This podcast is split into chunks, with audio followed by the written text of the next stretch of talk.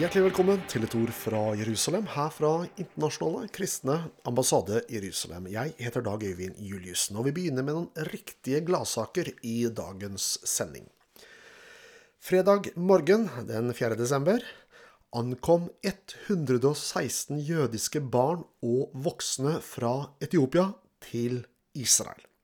Hjemreisen for disse etiopiske jødene ble betalt av oss i Den internasjonale kristne ambassade Jerusalem. Og Dermed så takker vi alle dere som står sammen med oss og gir til arbeidet.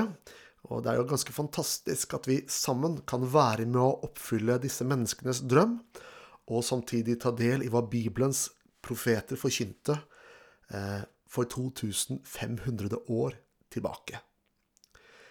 De eh, etiopiske jødene av det som kalles for Beta Israel, eller Isas hus, kalles falasha, som betyr fremmed eller utestengt. De har en helt unik historie. De mener at deres røtter går 2500 år tilbake i Etiopia. Under deler av denne perioden har de endog hatt et eget jødisk kongerike. Og flere ganger i historien har de eh, forsøkt å reise hjem til Israel, eller til Sion, uten å lykkes. I dag bor det omkring 120 000 etiopiske jøder i Israel. Men fortsatt bor det 7000-8000 jøder igjen i Etiopia i leirer i Gondar-provinsen, eller i Addis Abeba og de lever under stadig vanskeligere forhold. IKAR har i de senere årene vært med å finansiere hjemreisen for 2300 eh, av disse etiopiske jødene. Og vi hjelper også til med integrering i landet. Israels regjering har nå iverksatt Operasjon Israels klippe, som ville legge til rette for at 2000 etiopiske jøder skal kunne komme tilbake til Israel senest i slutten av januar 2021. Og det er en veldig god nyhet. Vi er inne i en ny eller vi er vitne til en ny epoke i Midtøsten. Fredsavtalen mellom Israel og De forente arabiske emirater og Bahrain innebærer en eksplosiv økning i samarbeid innenfor handel, forskning og innovasjon. Stadig flere israelske selskaper inngår nå forretningsavtaler med det arabiske markedet i Gulfstatene. Samarbeidet skjer i kjølvannet av fredsavtalene som normaliserer forholdene mellom den jødiske staten og De forente arabiske emirater og Bahrain. Watergreen er et israelsk selskap som har utviklet teknologi som genererer drikkevann fra lufta. De har nå signert en strategisk avtale med selskapet Emirati al-Dara for handel med De forente arabiske emirater og andre land i regionen. Partnerskapet vil fokusere på landbrukssektoren, kontorer og bygårder, hoteller, industri og maritim virksomhet. Avtalen mellom Watergren og Aldara ble inngått etter at en delegasjon med leder fra Aldara besøkte Israel i oktober. Aldara har en arbeidsstyrke på 5000 ansatte som opererer i over 20 land og betjener mer enn 45 ulike markeder, fra en ledende posisjon i Asia og i Midtøsten. Watergrens atmosfæriske vanngenerator, som er utviklet i Israel, produserer rent drikkevann fra lufta ved hjelp av kostnadseffektivt energiforbruk. De høye temperaturene og den høye luftfuktigheten i Gulfstatene er ideelle for Watergrens maskiner, som kan produsere opptil 5000 liter rent drikkevann fra lufta hver dag. Watergrens maskiner er allerede installert i flere land rundt omkring i verden. Både i India, Kina, Filippinene, Vietnam, Sierra Leone, Sør-Afrika, Monaco, Costa Rica, Chile og Usbekistan. Maskinene har også blitt brukt ved store internasjonale begivenheter, f.eks. Fifa World Cup 2018 i Russland. Bahrains utenriksminister offentliggjorde torsdag at varer og tjenester produsert i de jødiske bosetningene i Judea og Samaria, kalt Vestbredden, skal kunne merkes Made in Israel og uten noen begrensende lover eller retningslinjer. Dag for dag legges det et nytt grunnlag for fred, frihet og handel mellom Israel og de arabiske statene i Gulfen. Endringen vil gi betydelige økonomiske gevinster og legge grunnlag for stadig økende samarbeid innenfor fremtidsrettet virksomhet som forskning og innovasjon. Dette er jo bare fantastiske nyheter å ta med seg nå i begynnelsen av desember, hvor vi gleder oss over hva som nå pågår i regionen. Nå skal du få høre litt musikk.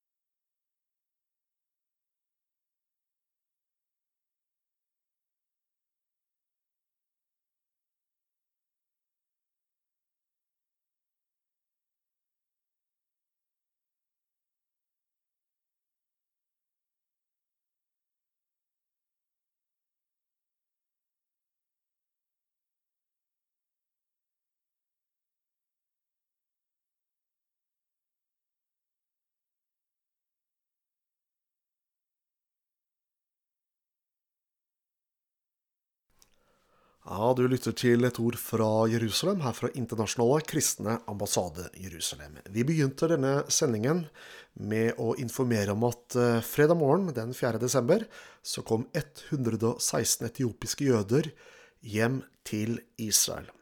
Eh, en hjemreise betalt av eh, oss i Den internasjonale kristne ambassade Jerusalem. Og det som er interessant nå, og som vi skal se på, det er at Bibelen sier mange steder at Gud vil hente det jødiske folket tilbake til det landet han en gang ga dem. Det har altså aldri skjedd i historien at et folk har blitt fordrevet fra sitt hjemland, for så lang tid senere komme tilbake til det landet som de en gang bodde i. Men det er historien når det gjelder det jødiske folket. Og det som gjør det enda mer fantastisk, det er at nesten alle Bibelens profeter de forkynte, eller fortalte, at det kommer en dag, det kommer en tid, da Gud skal hente folket tilbake. Og jødene ble fordrevet i år 70, og endelig i år 133 etter Kristus.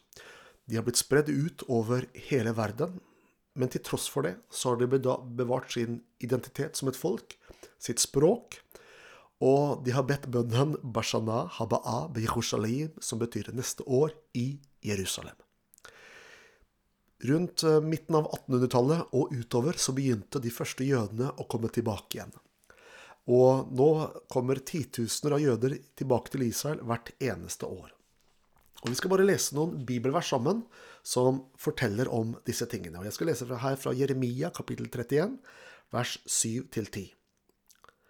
For så sier Herren, juble over Jakob med glede. Jakob i Bibelen, det er Israel eh, det er snakk om her Rop, eh, og rop med fryd over den første blant folkene. La lovsang lyde og si, Herre, frels ditt folk, dem som er igjen av Israel. Se, jeg fører dem fra landet i nord og samler dem fra jordens ytterste ende. Blant dem er det både blinde og halte, både svangre og fødende.